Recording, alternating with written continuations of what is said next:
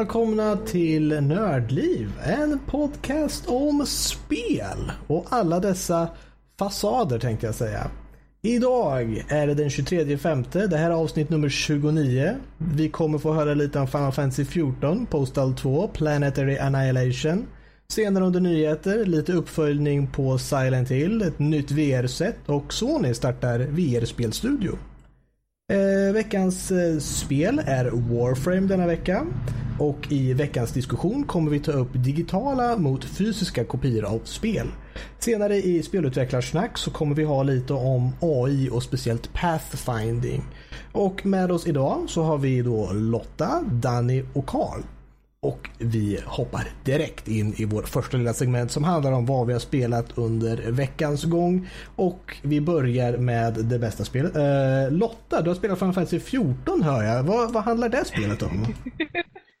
ja, du förstår. Vi, det här är ju ett väldigt nytt spel som vi aldrig har diskuterat på den tidigare. Eh, så vi kan ju gå en djupgående analys av det. Nej, eh, jag har mest fortsatt och eh, ta in lite på main storyn. För att trots alla de här hundratals timmarna jag har suttit med det så är jag fortfarande inte färdig med main storyn. Och det är väl i sig ett ganska bra betyg. Men eh, man måste ju vara färdig innan Heaven's World kommer. Då måste ju ta del av det nya contentet direkt när det kommer. Inte sant? Definitivt, och det är ju ett requirement som sagt att göra klart main storyn innan man kan börja på expansionen i det här fallet. Precis. Eh, så att eh, det har ätit upp en del av min tid och sen har jag fortsatt köra lite Arkanoid och, eh, lite blocking och sånt roligt på mobilen. Men det är tyvärr allt spelande jag har hunnit med den här veckan. Det ja, just det. Så har vi slagits lite också. Har vi inte det? Du, det är mycket möjligt att jag... jag... Nu igen, hon, kan, kan inte ni liksom diskutera som Jag tror att jag skickade faktiskt allvarligt sms till henne om hon uh, ville bli kidnappad och slagen någon dag, men ja. Mm. Det gick hem väldigt bra faktiskt. Ni, ni vet om jag kan att, rekommendera jag, jag den taktiken. Ni vet om att det här kan användas som bevis? Det inser att du erkänner liksom. Nej då. ja, attans skrutt. Det är bäst vi går vidare till nästa person innan jag säger något mer dumt. Då så. Då, men då, som sagt, du håller det tur där. För att det, skulle du gå om på Final Fantasy skulle vi vara här hela kvällen. Men eh, desto mindre sagt, desto mer kan vi spela efter detta. Precis. Uh, Danny, Norskas som han också kallades. Vad, vad har du haft för dig i veckan? Jag tror det är lite Postal 2 bland annat. Uh, ja, som jag nu kunnat installera alla spel jag har på Steam och uh, på Origin, skräp, um, och lite andra sådana vid sidan av. Uh, så satte jag med, med Postal 2 och har njutit lite för mycket och springer omkring med baseballträn, hagelbössor saxar och kastat på folk, eh, jagat katter och mm. hundar. Eh, det är för kul. Men, men har, ingen, har ingen berättat för dig att du inte ska springa med saxar? Jag har hört det väldigt många gånger, men det här är ett spel nu så då kan jag för det gör ingenting ifall han blir skadad. Det, ifall det är du ah. tar skada så bryr inte jag mig om det. det. det. är hans problem. Nej, jag tycker det var kul att kliva tillbaka och köra ett eh, en, en klassiker som jag tycker nu är inte så gammalt. Det är från början på 2000 eh, någonting. Um, Bara så ett och ett halvt decennium gammalt. Ett och ett halvt decennium, precis. Så gammalt är det inte. Men att eh, jag tycker det är kul att spela igen eh, Postal. Eh, tyvärr vet jag att trean inte lever upp till eh, vad tvåan var, men jag tycker det är skitkul att hoppa in igen och man bara, åh det här var så kontroversiellt när det kom ut, åh det blir sådana beklaganden, men det är kul att de, de driver ju med det i själva spelet. Det är folk som beklagar sig liksom att ja, spel gör att du blir våldsam. Sen tar de som tar, står utanför och liksom demonstrerar så springer de in och skjuter ihjäl alla, allt som rör sig inne på spelstudion. Man bara, uh, vänta här nu.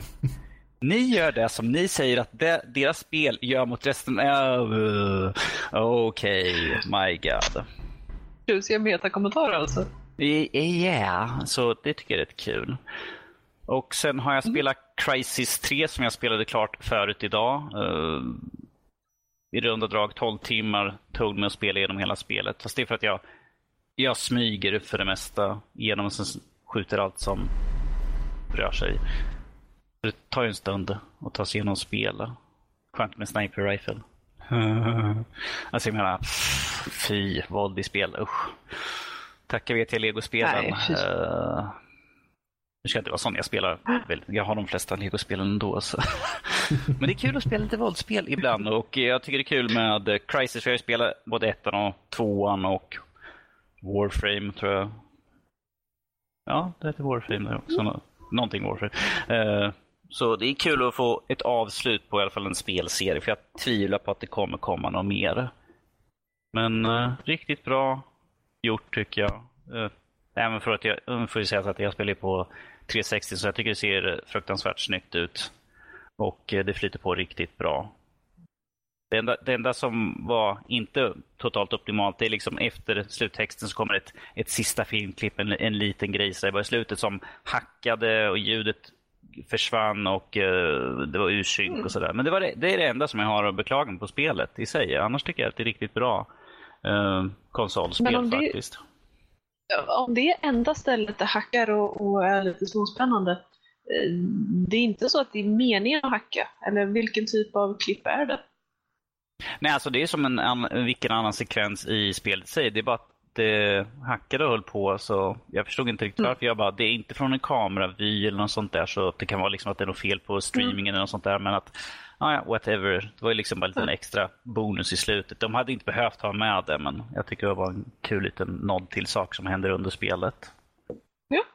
Men ja, det är väl det jag har. Sen har det blivit lite så här mobil Simpson men det, det pratar vi inte högt om.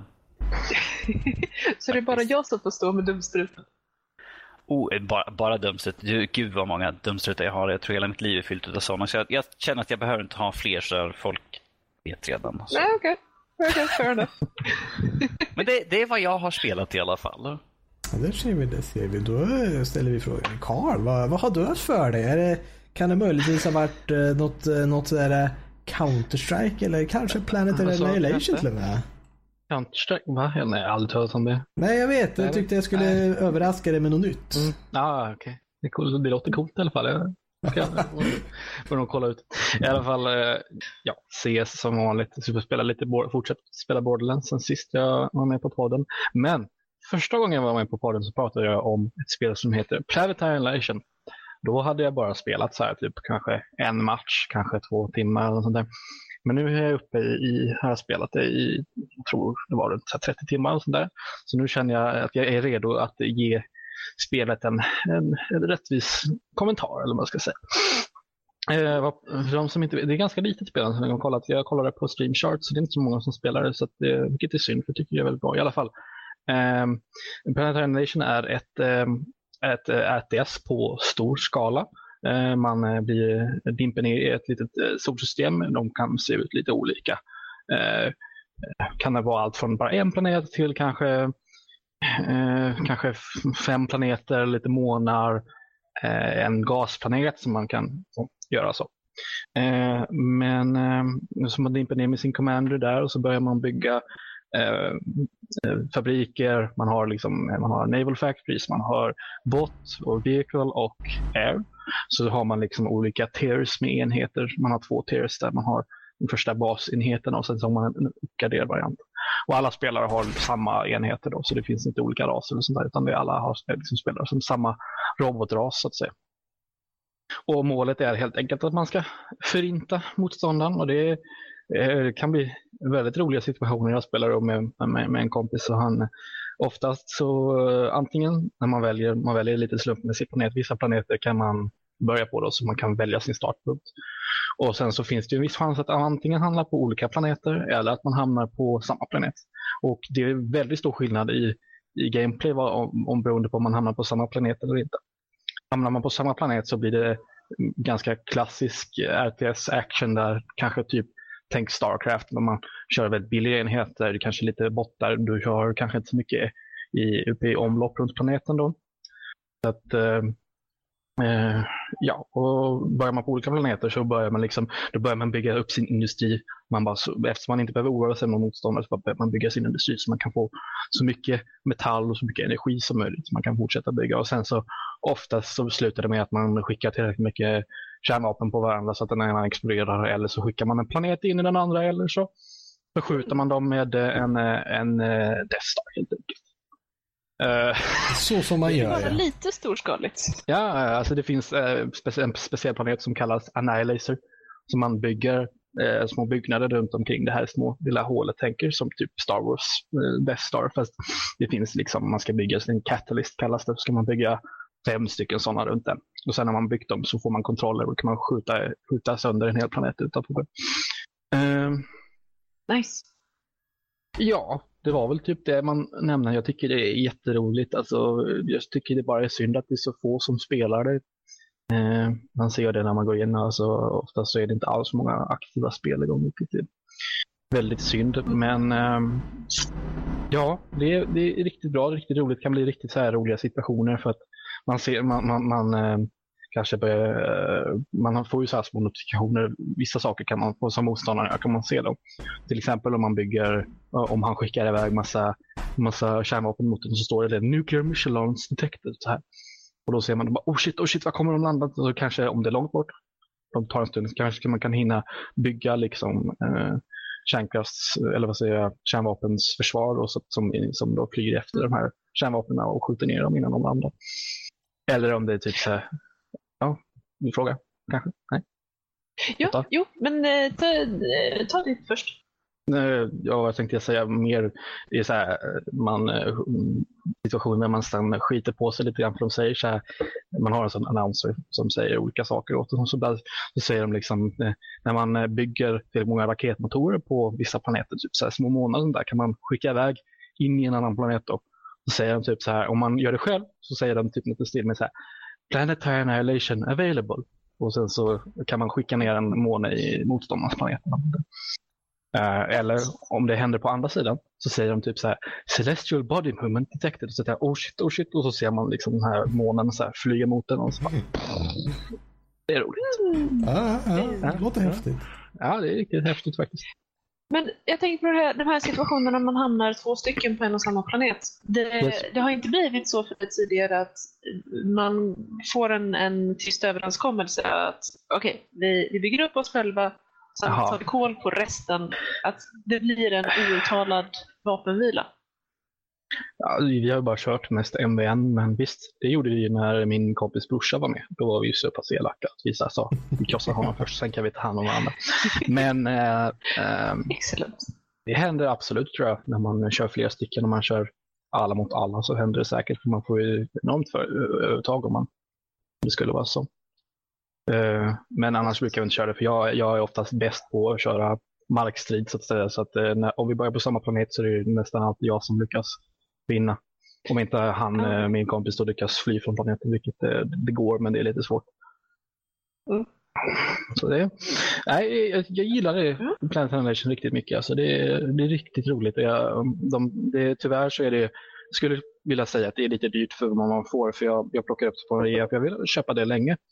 Eh, för jag tyckte det hade sett coolt ut. Men jag ska kolla på Steam vad det kostar lite snabbt. För det var det som jag hade för mig att jag har sett det här spelet men jag har för mig att det kostar något så här galet mycket som så här en 80 Ja. euro eller något sånt. Nej, inte så mycket, men för vad man får så kostar det väldigt mycket. Nu ska vi se. Planetary. Sen är också frågan hur stor kostar. plånbok man har. Ja, det kostar 30 euro nu ungefär. Och eh, sen jag började spela på PC har jag knappt betalat så mycket för ett enda spel. Så eh, jag kan tycka att, eh, jag vet inte, 30 euro kanske är rimligt ändå. Man får, men du får liksom ingen, ingen storyline, du får liksom ingen single player. Så, det är bara spelare mot spelare. Du betalar för gameplayet helt enkelt. Ja, precis. Och det, det händer ju väldigt roliga saker. Det, alltså, som jag har berättat nu, man kan skicka planeter på varandra, man kan ha sin egen jävla Death Star och allt det här. Det låter ju coolt och det är coolt när det händer, man ser det hända. Men samtidigt så, jag vet inte om jag skulle betala så mycket pengar för det, för gjorde jag inte. Jag, jag, jag betalade typ, jag tror det var så här sju euro eller sånt där. Okej, men då är det i alla fall att rekommendera för fans av RTS-genren kanske som letar efter lite nytt. Så. Absolut. Mm. Det, Eller om kan man råkar snubbla över det på en eh, rea. Absolut. Mm, jag ska hålla ögonen öppna i framtiden. Något mer? Eh, CS, jag har eh, gått förbi tre, tre, 300 timmar milstolpen här nu så nu har jag officiellt inget liv. Eh, Du menar att du har officiellt fått din stämpel av liksom ja. approval på ditt liv? och, Du har ett eh, achievement du kan visa för andra och skryta med? Eh, ja, om, om det är någon mot förmodan som, som spelar CS ute så är min rank eh, Master Guardian 1. Det är någon som bryr sig. Precis, du behöver bara hitta rätt folk. För Wow. många så, Mm. menar, det är ingenting man kan säga på krogen kanske om man inte hittar rätt folk. Då blir det, ooh, låt mig bjuda dig på en drink. Min Ja, herre. Mm. Mm. Min, Det, det, här, Ja, det den här, det här med titeln har ingen liv. Får helt enkelt bara hitta, en, hitta någon tjej som spelar lika mycket så kan ni ju spela tillsammans. ja, jo, skulle vara Jag menar det. Alltså, det är underskattat hur romantiskt det kan vara. Jag tänkte säga, det är att rekommendera. Jag satt och spelade Hearthstone med min flickvän när vi var tillsammans. Så att, eh, Mm. det var Sen började du med CSGO och sen var det kört. ja, typ. Nej. Nej, nej, de spelade Hearthstone. nej, nej, de spelade Hearthstone medan de var tillsammans. Sen var de inte tillsammans längre. Jag tror jag vet vad som hände. Ah, okej. Det var det att jag, jag, var inte snäll. Så hon fick inte vinna. Nej, det ska jag inte säga. Precis. Bara Ehm, därför det tog slut. mm. Vet att... Nej, menar, vilken tjej eh, med självkänslan i behåll skulle tillåta att hennes pojkvän bara klorade gång på gång på gång på gång i, i ett och samma spel? Det, nej, det händer ju bara inte. Nej, nej, herregud. Nej. Nej, men det var inte så mycket mer. Jag sa Borderlands 2 innan, men det har redan diskuterat så det behöver inte upp igen. Ja, Borderlands 2 är Borderlands 2. Men då har vi nog gått igenom allt för detta lilla roliga segment för Mm. denna gång. Ja, och vi tar och knallar över till lite mjukt och stilla till våra spelnyheter och ser vad vi hittar under löven. Och titta här, en nyhet om Silent Hill. Vad har Del Toro att säga om detta?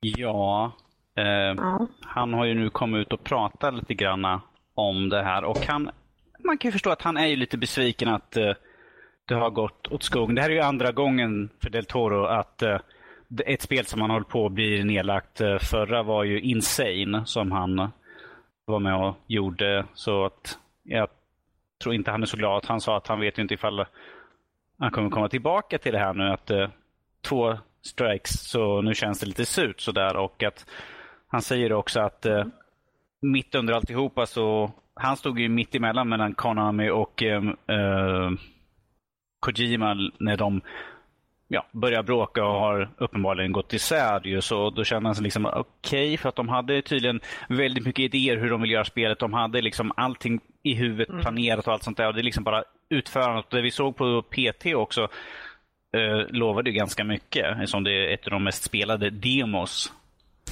Om vi nu kan kalla det så. Och eh, det skrämde ju skiten ur väldigt många uppenbarligen, har jag läst. Och jag har sett folk som sitter och skriker eh, på Youtube. Nu tror inte jag så mycket på sånt att folk sitter och ah, hela tiden, men att um, det är lite surt. eh. Så Mm.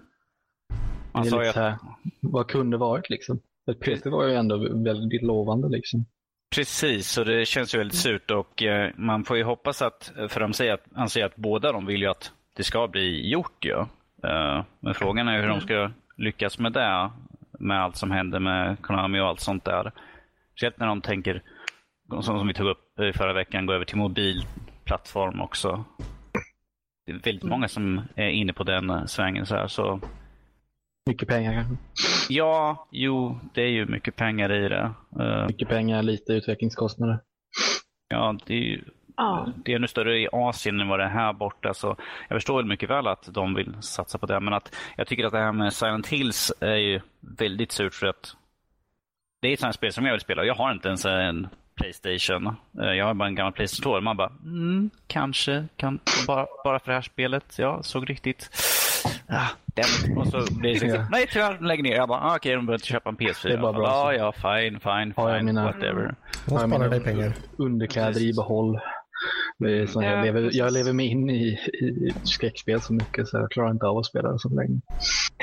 Ja. Då har jag tagit igen mig Amnesia men det är typ det. så jag är lite, lite skraj av mig. Så. Mm. Nej Och sen-. Du sen- är en sån som sitter och skriker när du spelar alltså? Nej, inte så, utan det är bara att jag har en, eh, här, en, eh, en aktiv fantasi. För de, bra skräckspel som typ Silent Hill 2. Amnesia de lämnar ju så mycket som möjligt i fantasin för det är, det är alltså, saker som vi kan hitta på själva är tusen gånger värre än vad någon kan visa oss på en skärm. Liksom. Mm. Så att, eh, ja, eh, inte, inte för mig helt enkelt. Mm. Fair enough. Ja. Och, och eh, han gick också ut och sa att han var, han var lite sur på att de tog bort PT. Ja, Det, jag, jag, jag förstår inte, vad, vad vinner de på att ta bort det? det Det är ju de bara politik vill- inom bolaget. Det är ju allt det ja, tusentals Ja, alltså det- samlarobjekt för folk som vill ha PT så de kan sälja dem på Ebay för tusenlappar. Ja, det där är, jag förstår mig inte. Det är samma sak som här Flappy Birds. Åh, köp min telefon. Den har Flappy Bird på. Det blir 3000 spänn Wow. extra. Man bara, why? Speciellt, det var så roligt när precis med, med, med Flappy Bird så var det liksom APK till Android fanns att ladda ner men ändå så fick folk sälja liksom eh, nej, nej, nej. Så nu blir det väl upp till lite, jag skulle inte förvåna mig om att en hacker lite när som helst kommer ut. Nu jag har lyckats, eh, jag hade min kopia av PT på min Playstation, jag har lyckats så, och knäcka koden nu så jag kan eh, ge ut den till alla. Så skulle inte förvåna mig om det händer. Förr eller senare i alla fall. Mm. Ja, men Vad är det du brukar säga Danny? Det är någonting om pengar och huruvida de eh, Pengar styr. eller inte. pengar styr allt, så är det tyvärr. Och i spelindustrin så är de jävla kostymnissarna som går och funderar, hur kan vi tjäna mera pengar på det här? Mm. Vi slänger ut spel som knappt är fungerande, för att då Ja. får vi pengar i hand på direkten. Mm. Ja, sen kan vi komma med uppdateringar på de här spelen i tre, fyra år framöver. Och, och om vi är riktigt skickliga så kan vi få folk att betala extra för funktioner som egentligen inte tar någon tid att utveckla.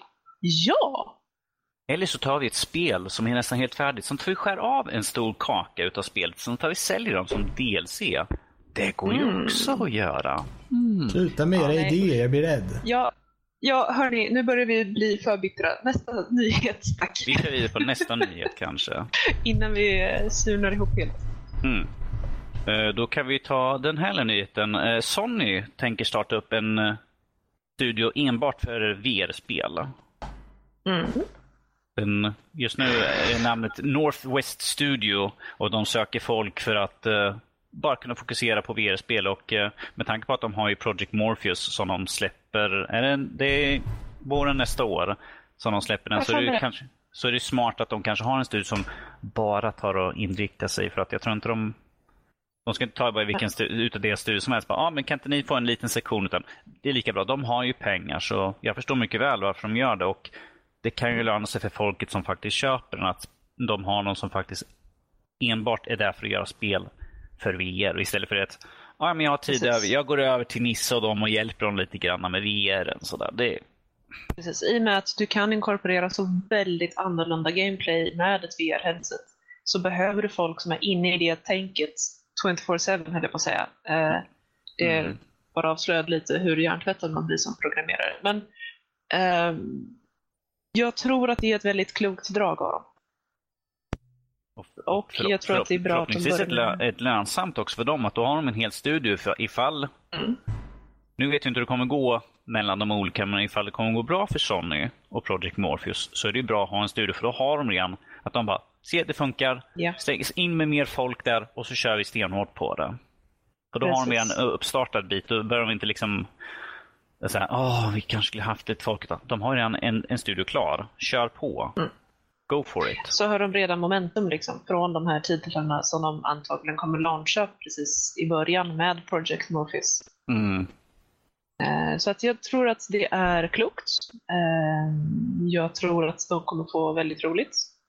Och vi får väl se helt enkelt hur Morpheus utvecklas. Mm. Eh, Om det kommer bli en permanent delstudio eller inte. Det märks. Är Frågan. Jag är bara väldigt nyfiken på det här hur, hur bra det kommer funka med VR. För att de kom ut med någon Mm. sån här Klarar din dator av VR? Man bara, eh, okej. Och sen kom det så här. Därför kommer konsoler inte klara av det. För att du måste ha mer eller mindre bygga in ett grafikkort i VRen för att den ska kunna klara av att rendera allting. Ma, ma, ma. Mm, jag såg på spexen. Race. De, Ja, eh, det har släppts eh, spexen för, eh, för Oculus Rift, eller ja, rekommenderade spexen för Oculus Rift. Mm. Då var det ganska fläskiga grejer man behövde. Min dator skulle behöva uppgradera, uppgraderas lite grann för att klara av Ja. att köra. Ja, vad var det? Det var minst en i7 i processor, typ 2600. Och eh, du kräver 8 gig ram och ett... eh, Nu kan jag inte Nvidia så jag kommer ihåg AMD-kortet att du kräver ett R290. Som Jag, minst. jag, har, jag har spexen här. Nvidia GTX 970 eller AMD 290 Oh. eller bättre. Intel i5 4590 eller bättre. Minst 8 gig ram. Eh, eh, och sen är det lite grann HDMI, USB-portar och sen är det Windows 7 SP1 eller senare. Så där har vi i alla fall är- kraven för att kunna köra minimum på den. Det, visst, det är fräsiga maskiner som man kommer behöva. Eh, Men vi får se också vad som händer på hårdvarumarknaden. Intel har ju inte sagt flasklock så vet jag har hört sedan de kom ut med Ivy Bridge-generationen. Och det var ju ett par år sedan nu. Eh, Jag vet inte när de kom, om det var eh, två eller tre år sedan. Kan det stämma? Låter bekant. Eh, Bridge kom ju ut 10, vet jag. 2010. Eh, för att Ivy Bridge dröjde åtminstone ett år, kanske två innan de kom. Mm. Eh, men det betyder ju också att folk kommer att börja, när, när man börjar uppgradera sin dator, för det gör man med jämna mellanrum om man tycker om datorer, eh, Mm. så kommer man ju börja titta på i5, i7 eh, när det kommer till processorer. Eh, och börja titta lite längre upp på stegen med grafikkort också. Tror jag. Så att jag tror att de här kommer att börja sjunka i pris snart. Eh, I alla fall processorerna tror jag kommer dippa. Det känns ju som ett paketpris tycker jag. Mm, Oculus Mm. Upgrade Pack. Precis. Eh, men eh, dock så är ju dollarn ganska stark just nu så datorkomponenter i allmänhet är ju dyrt i Sverige just nu. Eh, Men å andra sidan, eh, jag tror inte att eh, det kommer att VR-headseten... Nu ska vi se, Morpheus skulle komma nästa vår. Oculus, Yes. Skulle Skulle komma nu. komma. Slutet på sommaren. ja, Ja, precis. något sånt, augusti. Ja. ja, men okej, det är bara ett par månader dit. Va? Nu? Var inte det nästa år? Det kanske var nästa år till. Vad för någonting? Ja, fan, Oculus, kommer det ut i år? Alltså jag blandar hela tiden ihop Dev och uh, commercial CV1. Oculus. Det liksom kanske var Q1 2016. Jag Eh, hade för mig att de satsar på Holiday tänkte jag säga, julen nästan bara för att kunna sälja mer. Why not? kan det var också. Ah, ja. Men i alla fall, det är åtminstone ett par månader till den första VR släpps. Det är det definitivt. Och jag har hört talas om i en annan nyhet är att det ska tydligen komma ett nytt VR-set. Vad, vad är detta för något? Oh, oh, nu, nu, oj, nu blir jag lite till mig. Ehm, Lotta, vad har vi sagt? Ta det lugnt. Dju, Okej. djup, djupt, djupt andetag. Eh, det här är ett nytt headset, ett nytt VR-headset som eh, eh, de slängde upp på Kickstart för inte så länge sedan och det har redan fått in sina, ska vi se, vad var det 250 000 dollar tror jag de skulle ha. Ehm, det heter eh, FOV, eller FOV. Och det som är specie- speciellt med den här, att den använder den här, det här har vi tagit upp förut, vilket vi, vi har sagt att det här borde de ha. De har den här virtual, den här eye, eye trackern i som ska när du tittar på något ska den fokusera på vad du tittar så att det blir lite djup i bilden. Och det här har vi pratat om förut när de annonserade på en, vad var det för något? Det var någon sån här mässa när de visade upp den här eye tracker. Och det här har de inkorporerat i VR här nu för att det ska, man ska bli mindre åksjuk eh, när man eh, tittar på någonting och spelar. För att det blir, utan fokus så är det lätt att man blir lite lite åksjuk och så, men att den här ska göra att du inte blir det, för det blir ju som att titta på vanligt, att du fokuserar på, där du tittar på, det är fokus och sen liksom inte på andra. Så, som blir normal syn i ett spel. Ja, Lotta? Jag, jag är tyst nu. Du, du kanske ska göra din egna VR-set kanske och så liksom, och det här måste jag ha, och det här måste jag ha, och det här måste jag ha. Ja! Eh, men att, eh, ja, och jag har suttit och kollat lite grann på, det är inte bara för spel eh, de har beräknat användare till, utan de har ju det här i också vården. För att de har ju att du kan använda, alltså du tittar som på tangentbord som de visar upp med eye tracking när den kom ut. Att då ska de använda det här också, för man fick se hur en som eh, är sängliggande liksom skriver till sin familj och eh, kan säga till dem att eh, det här vill jag ha eller jag vill titta på det här. Så det är jättebra. Och de visar upp när en ung pojke som är, har sån här uh, muskelförtvining. Hur han an- använder det för att spela piano i en konsert med sin, med, med sin klass tror jag, eller något sånt där. Uh, Det tycker jag är skitintressant och användbart. Att inte bara för spelindustrin, utan det är mer för allmänheten också. Jag tycker det är speciellt bäst att det är inom det medicinska för att det behöver vi för folk som bara kan eh, använda ögonen eller något sånt. Så är det perfekt. Absolut. Absolut. Och det här är ju inte det första gången som spelindustrin och medicinen har eh, hjälpt varandra på traven. Eh, Mm. Oftast eh, så är det ju spelindustrin som pengarna ligger i. Eh, tyvärr, får väl jag tycka. Eh, men då drar det igång massa sådana här spännande projekt och det tar ju lyckligtvis läkemedelsindustrin nytta av. Eh, Så det är ju bara att tacka och ta emot. Men just det här var som sagt eh, de först med har jag för mig. Med just eye tracking. Ja. Så jag de är fortfarande orolig.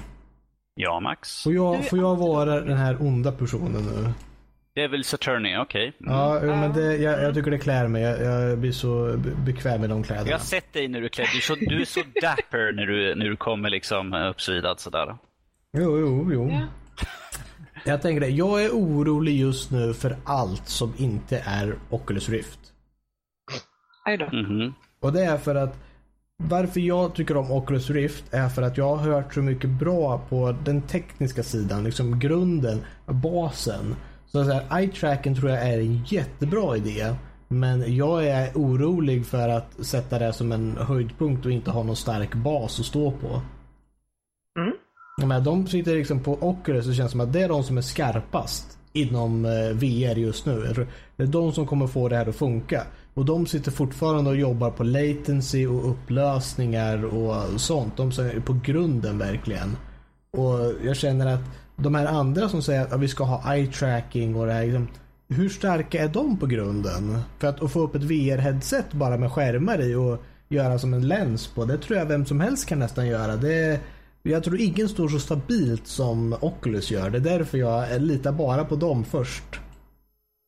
Alltså, visst, jag håller med, med dig. Jag tror att Oculus, just nu i alla fall, är den bästa maskinen. Det tror jag. Men jag vill så fruktansvärt gärna att Fove kommer igenom, eller Fove, eller hur man nu vill uttala det. Mm. Fove. Eh, På svenska, Fove. Fove, precis. Nu heter de Fove. Ja. Ehm, jag, jag vill så väldigt gärna att det här går bra. De har redan, det, det är alltså en Kickstarter-kampanj och de har redan kommit eh, över deras mål med 30 000 dollar. Och de har 41 dagar kvar. Ehm, men jag vill att det går bra för dem just för att bevisa för de andra VR-headseten att det här är en feature som de måste ha med. För att som sagt, bland annat det här att det tar ner eh, motion sickness och där har jag tjatat om jättemycket. Eh, bara de grejerna du kan ha med i spelet.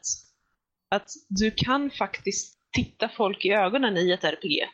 Du, du kan lägga in i spelet, står och pratar med en, väldigt vacker ung dam och kanske tittar där det inte är helt lämpligt. Så kan du ha henne och säga Those, my eyes are up here.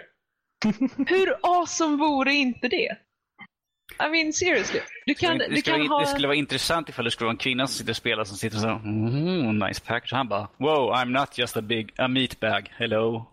Eyes Ja, up here. ja men Det- precis. precis. Det vore helt fantastiskt. Och jag menar möjligheterna med UI och, och så vidare. Jag vill verkligen ha det här. Jag tror verkligen på det här. Så att så fort jag fick höra om, om Fove och deras Kickstarter så började jag leta fram plånboken. Ja. Eh, så jag, jag vill att det här ska gå bra. jag tror inte att det kommer vara fantastiskt bra precis vid release. Eh, för som du säger Max, Oculus har haft väldigt mycket mer tid på sig. De har väldigt solid forskning bakom sig. Eh, väldigt bra backning. De, de, har en bra produkt. Men jag, jag, jag vill.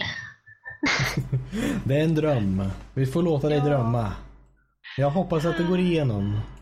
Vi säger så här, vi, vi har ju mycket att se fram emot. Det är ju några stycken stora namn och sen finns det ju en del mindre som kommer komma framöver också som vill ta en del av kakan. Men att frågan är bara vilken som är bäst för vad man vill ha. Eh, vi har ju HTC eh, med Steam. De känns ju mer som att de är ju direkt för Steam-plattformar och integrera i så att du kan spela allting mm rakt upp och ner. Som de redan har i spelen. Att det står att det, här kommer vara VR-kompatibelt, det här spelet mm. kommer vara VR-kompatibelt. Så att det känns ju som Precis. att de går ju hårt ut för att de vill att folk ska använda, använda deras.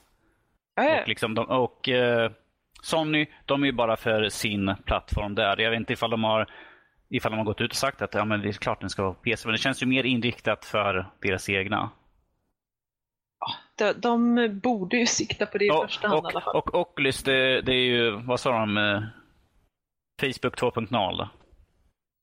Mm. Jag kommer inte använda Oculus till Facebook. Det var det dummaste jag hört. Vad vet vi?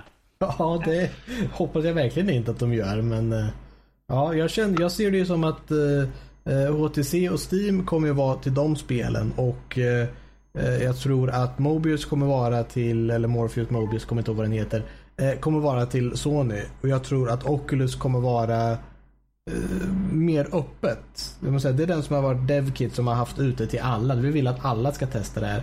Det är där man har sett många nya. Jag tror det indie-scenen kommer definitivt ha tillgång till den. Jag tror inte det kommer vara svårt som sagt att få tag på ett utvecklingskit. För det vet man ju hur man får tag på. Det är bara att köpa hem en VR och sen ladda hem mjukvaran och köra. Bara preprogrammera indiescenen har ju redan kastat sig över Oculus och, och slukat den med hull och hår. Ehm, så att där finns det ju redan ett, en rad spel som håller på att utvecklas eller har utvecklats. Precis. Um, har bland annat uh, spel som heter Ragnarök uh, och ett uh, Magnetic. Uh, båda svenskutvecklade. Som, är, som är riktigt lovande. Ser riktigt bra ut och med Oculus. Mm. Ja men det ska bli intressant att se men jag tror att vi har faktiskt lyckats ta oss igenom oss alla våra nyheter för dagen. Häftigt. Och eh, det är mycket häftigt. Jag, jag, är nöjd över allas performance och kommer alla få en performance review efteråt. eh, vi ska faktiskt in på veckans spel då vi väljer ett spel som vi alla spelar under en vecka och sen kan vi då lite diskutera vad vi har tyckt om det och Veckans spel för denna vecka var Warframe. Och för att berätta lite vad Warframe är. Det är en tredjepersons, jag tänkte säga action platform, men det är det nästan för att det är springa på väggar. Det är lite Prince of Persia, Ninja Gaiden action-stuket på det hela. Där du har eh, melee-vapen och range-vapen och du är någon form av rymd-ninja-samurai skulle jag vilja kalla det. Mm.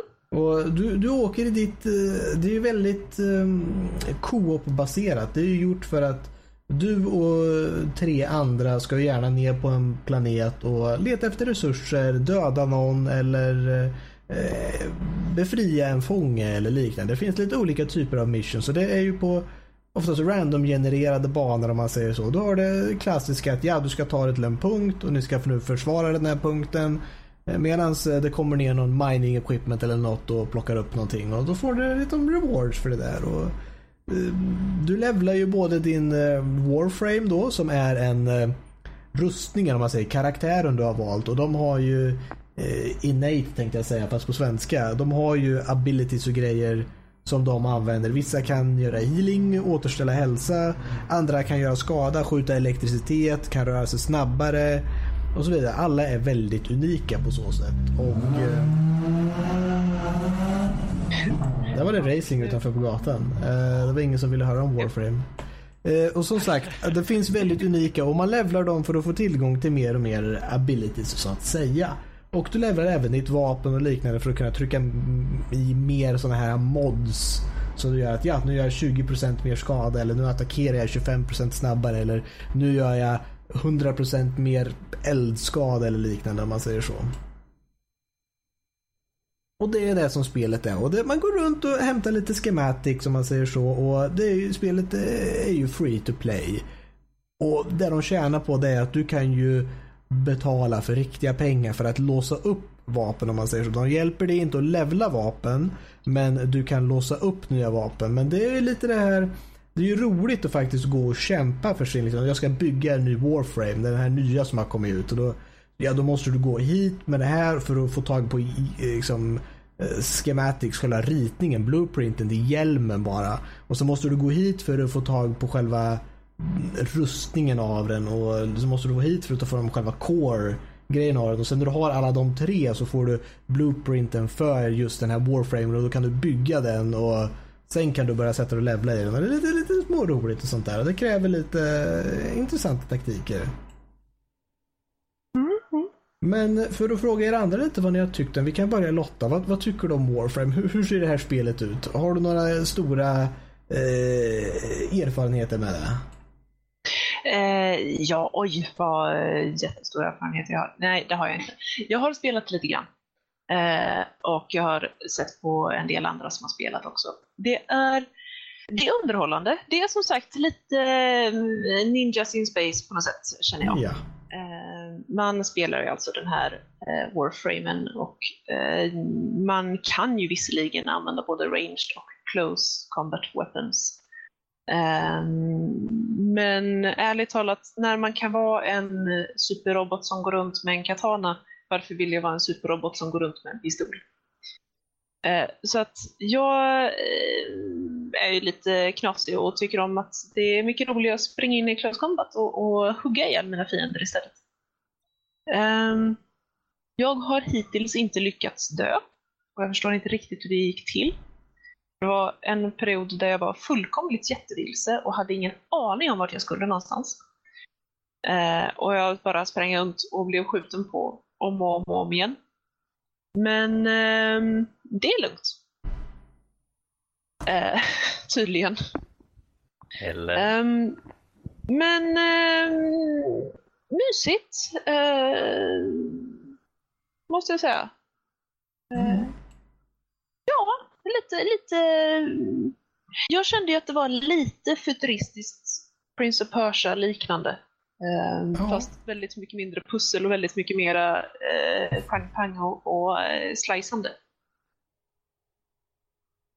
Um, men ja, alltså det, det är ju som sagt free to play. Eh, jag hade varit lite skeptisk till det tidigare uh, av vad jag hade sett vänner spela. Tyckte att ja, men det här är väl kanske inte riktigt min genre. Det, ja, nej. Så. Eh, men jag tänker nog faktiskt fortsätta spela lite på det eh, även när det inte är veckans spel. Det är där, så där du får ta och gå med våran 20 nationalbank som är våran klan i, eller guild i Warframe. Jag har inte, lyckats, jag har inte lyckats få ihop så jag kan komma in dit ännu. Men man måste bygga en clan key eller något sånt där för att kunna komma in, eh, vara med i vår lilla dojo. Mm. Vilket är en annan feature jag kan nämna där är att att vara sin klan och göra sin dojo är väldigt intressant för att du bygger väl, du börjar med en liten hall med en dörr på var sida.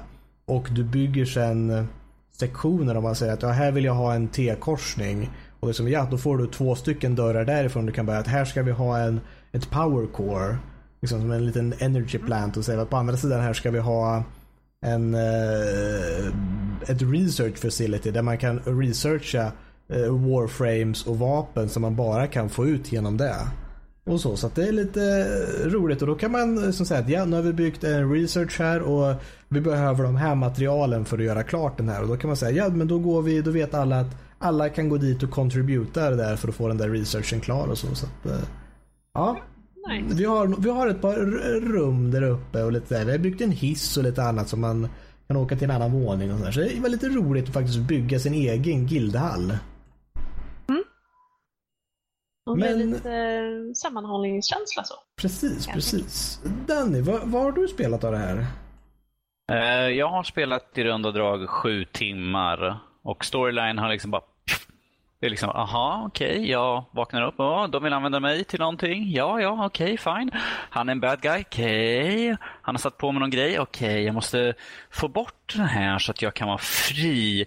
Um, det känns lite så här som Destiny har tagit lite grann därifrån. Du är en helt ny entitet och folk vill använda dig i, i krigssyfte eller något sånt där.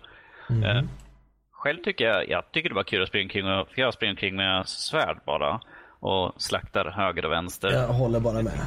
Det tycker jag är kul. Uh, storylinen är ju väldigt, ja, uh, Sekundär? Precis, lite mer som Destiny där helt plötsligt. Jag ser eh, vissa liknelser här just nu. Uh, nej, men alltså rent allmänt är det bara kul att springa omkring och leka lite granna. Uh, mm. Det är ingenting som jag kör seriöst på. Så att oh, jag måste få ut allting, jag måste ha liksom, ja, jag vill ha det bästa. Det är liksom bara, jag kan springa och döda några gubbar så det är rätt kul. Uh, nu har inte jag någon superdator direkt, uh, urgammalt grafikkort, men det flyter på ganska bra i alla fall. Uh, det, ser ju, det ser väldigt bra ut också. Mm. Um, och som sagt, det är kul liksom att slicea upp gubbarna. Jag kommer bara komma tillbaka. Det kommer inte spela roll vad folk frågar. Så vad tycker du om det här då? Ja, men slicing är rätt kul. Det är sådär man hugger huvudet av gubbarna. Så de bara, ja, ja, men vad, vad, vad, tycker du om designen? Ja, det är väldigt fint designat man hugger av armarna på gubbarna. De bara, ah, vi ger upp sådär. Det är bara ett kul, eh, lite hack and slash rakt upp och ner tycker jag. Pistol använder jag bara i nödfall. Så jag bara, ah, fine, jag kan skjuta några gubbar då. Men inte lika roligt. Så. Mm, jo, men jag... Det är så kul att slicea. Jag säger att jag körde på samma sätt där. Att jag kör också på melee. man säger. Och det finns ju väldigt många olika melee-vapen. Det finns ju allt från katana eller vanligt. Det finns till exempel svärd. Och så finns det katana också du kan få senare i spelet som är lite högre upp i nivåerna. Eh, och sen har du ju de här Great Sword som är tvåhandat. Du kan ha två stycken svärd. Du kan ha eh, dolk. Du kan ha piska. Du kan ha hammare. Eh, och det finns en hel hög. Och alla de här har ju stances också som du kan köpa för att göra såna här kombos där liksom trycka eh, slå, slå, slå, paus, högerklick, slå, slå, E eller något sånt där för att göra någon viss eh, kombo lite mer om man säger så. Så det finns lite specialroligare eh, av det också där. Jag tycker det är fascinerande att alla vi tre som verkligen uppskattar bra stories och, och eh, en, en, en välskriven och genomtänkt eh, berättelse. Alla tre tycker ja men det är ju roligt att gå runt och hacka ihjäl. Jag menar bara för att vi tycker om story betyder det inte att vi är immuna mot gameplay. Nej, nej, men just det här att storyn är uppenbarligen så sekundär i spelet att även vi som fokuserar på den i vanliga fall tycker uh, you know, det handlade om någonting och jag fick någon konstig ankelkedja och uh, you know. Uh, sen fick jag gå runt och hacka i folk. Det är bara för att veta lite roligt. Det här spelet, eh, när jag spelade det innan, det var i den nuvarande iterationen, så var det så att det fanns ingen story. Utan storyn är något som har kommit i en patch senare. Så att jag kommer ihåg att när jag startade upp det här spelet igen så var det helt plötsligt att eh, Va? Vad är det här? Vad är det? Story i Warframe? Men det har inte funnits förut. Det var ett, man började i ett vitt rum där du fick en tutorial på 5-10 minuter. Så att så här skjuter du, så här slåss du. Nu, kör! Välj en planet och åk och slakta. Det var så eh, storyn var förut. Så att eh, storyn har kommit i en patch på senare tid. Gött. Så det, det är verkligen lite, ja nej just det, vi måste ha en anledning till, till Ja, men lite, lite, det var mycket lättare för folk att komma in också. För det var lite svårt att komma in i spelet tidigare. Mm, det kan jag tänka mig. Men då har vi ju gått igenom Warframe och kan nämna att nästa veckans spel kommer vara This War of Mine. Yes, ser mm. fram emot det som det är jag som har föreslagit det. Ja, jo, nu får vi se vad det handlar om sen och så. Uh, vi kan hoppa till ett uh, nytt segment. Inte nytt, men uh, nästa segment. veckans diskussion då vi tar ut en liten speciell liten fråga som vi kanske har ställt oss eller undrat över och säger att det här ska vi nog gå lite djupare i. Veckans diskussion den här veckan är digitala versus fysiska kopior av spel. Vad finns det för fördelar och nackdelar och vad, vad, tycker ni? Jag tycker vi börjar med Lotta igen för att hon sitter högst upp på listan. Så att, digital mot fysiskt, ser du några direkta fördelar och vilken är din favorit? Alltså, jag känner lite att om det är så att jag kan, om jag har båda framför mig eh, och till samma pris, då tar jag den fysiska alla dagar i veckan. För att jag, jag, vill ha den ståendes där i, i bokhyllan. Det, det gör mig glad att titta på förpackningen. Men eh, å andra sidan, det är ju fruktansvärt bekvämt att kunna ha ett konto någonstans på nätet och tycka, ja ah, nej men attans, jag, min gamla dator kraschade, men det är lugnt, jag tar bara och laddar ner spelet igen. Eh, men ja, ja, skivor måste man hålla reda på. Eh, internet är oftast kvar när du kommer tillbaka. Men jag föredrar fysiska. Och jag är en jättestor miljöbov som säger det, men de ser så fina ut. Det var det dummaste jag hört. Miljöbo. Ja, Eh, alltså, så mycket, det finns värre saker vi kan ta hand om på den fronten ifall det är så. Jag tror inte du behöver oroa dig. Ja. Nej men det, ja, ja, jag föredrar de fysiska och jag kan tänka mig att betala en, en skvätt till för det. Ehm, och det kanske är fånigt eftersom som sagt, det är egentligen inte för artbooken för att den kollar jag igenom en gång och sen är, det, är jag färdig med den. Det är inte för att jag liksom vill ligga och klappa på fodralet innan jag somnar om natten. Utan Eller- jag vill bara... Ja, det är bara för de riktigt speciella spelen. Jag har hört att Ligger med någon det Final finns ett Fantasy visst... Collection, Collector's Edition under täcket. Ja, klart. Jag har hört att det kommer en ny expansion snart. Ja, det- Problemet är att det kommer med en drake tänkte jag säga som är väldigt taggig. Men Oh yes. eh, jag tänkte säga om du får Eh. en plush i typ Moogle eller liknande så Ja. Glorious. Ja, nej. Eh, utan det är bara för det, det höga nöjet att få se det ta upp plats i min bokhylla. Men det är, ja. ja Okej, är det Då något? vill jag representera den, den andra sidan av spektrumet då som uppskattar digitala kopior av spel. Jag ser ju absolut alla fördelar med att ha fysiska kopior. För du, du har fysiska fysisk kopia så är det ju mer eller mindre så att det är du som äger spelet. Alltså du har ju det framför dig, ingen som riktigt kan plocka bort det från dig. Medan du har Steam eller Origin så kan det ju hända att tjänsten inte funkar. Det har hänt med Steam att jag inte kommer åt det eller att vi inte haft internet hemma tag eller sådär. Och då, då suger det ju definitivt att inte ha spelet i fysiska format. Men eh, alla andra eh, punkter liksom vinner digitalt för mig alla, alla dagar i veckan. Liksom det är bara mer, mer bekvämt. Liksom, jag behöver inte springa runt och byta skivor, jag behöver inte tänka på att gå och köpa spel i butik eller beställa det hem. Alltså det är bara köpa, ladda ner, speciellt nu när jag har snabbt internet så tar det bara liksom en halvtimme som mest att ladda ner spel. Liksom. Så att eh, jag är allt för digitala medium. Men jag ser definitivt nackdelarna med det. Eh, vad gäller eh, att tjänsten inte är kanske alltid är jättestabil och sådär. Mm. Och att kanske inte man äger spelet direkt. Du, du äger mer en licens att spela spelet och sådär. Så det blir, du kan ju inte direkt sälja vidare eh, dina spel på något legitimt sätt. Precis. Och som i somliga fall när eh, tjänsten bara helt läggs ner. Vilket vi Online. Mm, precis. Eh, så eh, whoops, nu, nej.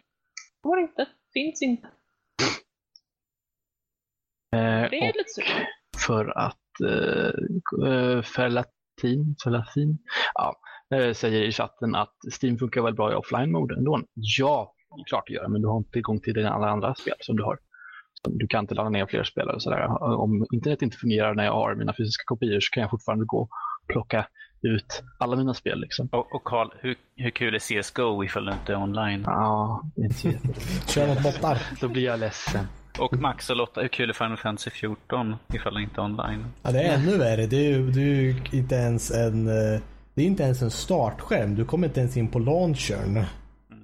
Ja, men det är lugnt. Det finns fortfarande vissa klasser där du kan köra eh, offline. Eh, jag har ju grindat upp min eh, goldsmithing en del i offline mode. Ehm, jag ska ju iväg på kurs nu för det är sommar bland annat. Så att det jag gör helt enkelt när internet inte funkar är att man sätter sig vid arbetsbänken bredvid datorn och så nöjd man där istället. Jag var tvungen att tänka på ett tag där. Vad, vad snackar hon om? Det går inte att spela i offline mode. Crafting går inte. Det tog ett tag att tänka sig. Jaha, hon menar i det här riktiga livets spel. Nej, nej, nej, nej. Det som är utanför datorn, det är bara Final Fantasy offline.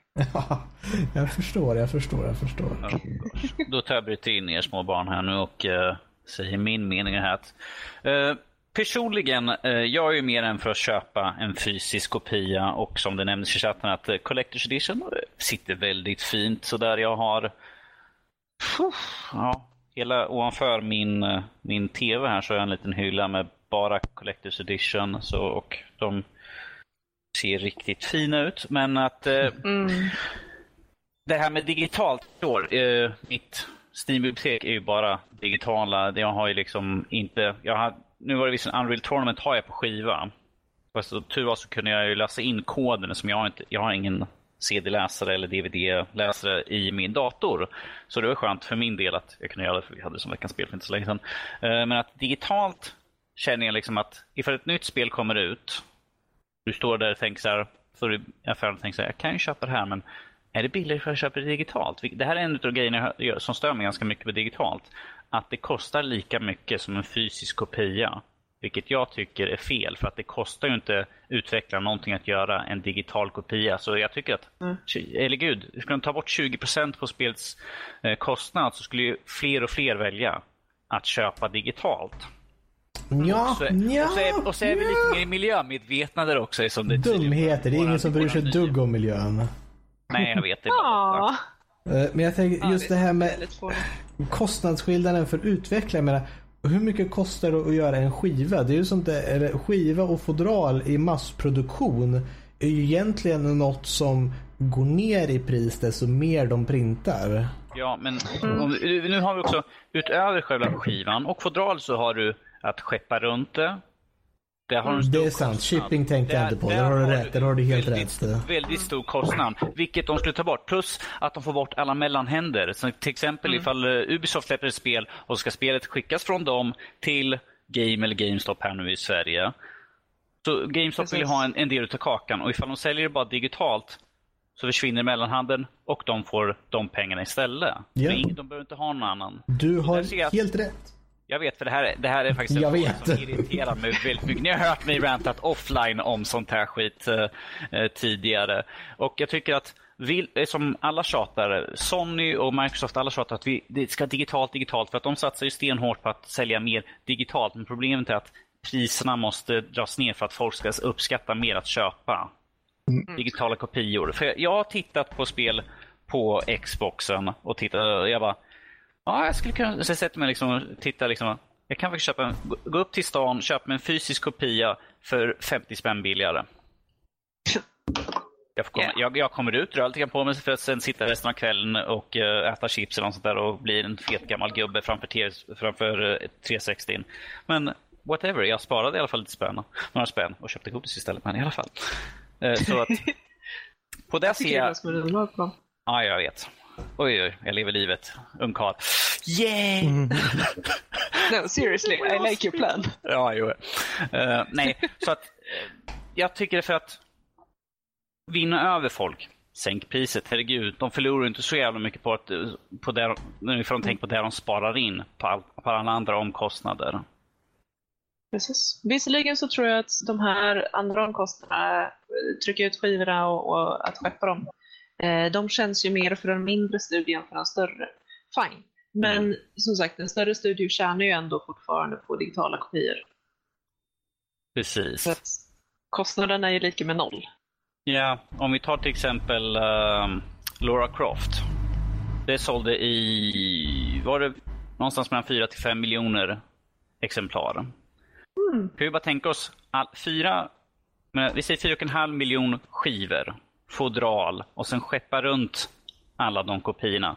Det är en, blir en ganska saftig summa i alla fall. Och sen ifall man bara kan liksom, borta, bort med all den kostnaden. Allt utöver det, det tjänar de på. Ja, det är väl därför vi har sett så mycket indie-grejer som har lyckats på nu för tiden. För att de behöver inte betala den här kostnaden att skeppa ett spel fysiskt egentligen. Mm. Precis. Och dessutom så är det väldigt mycket lättare att komma ut på marknaden. Du behöver inte gå till en affär och säga att Hej, eh, hörni, eh, det här är vår första titel. Eh, vill, eh, vill ni sälja den?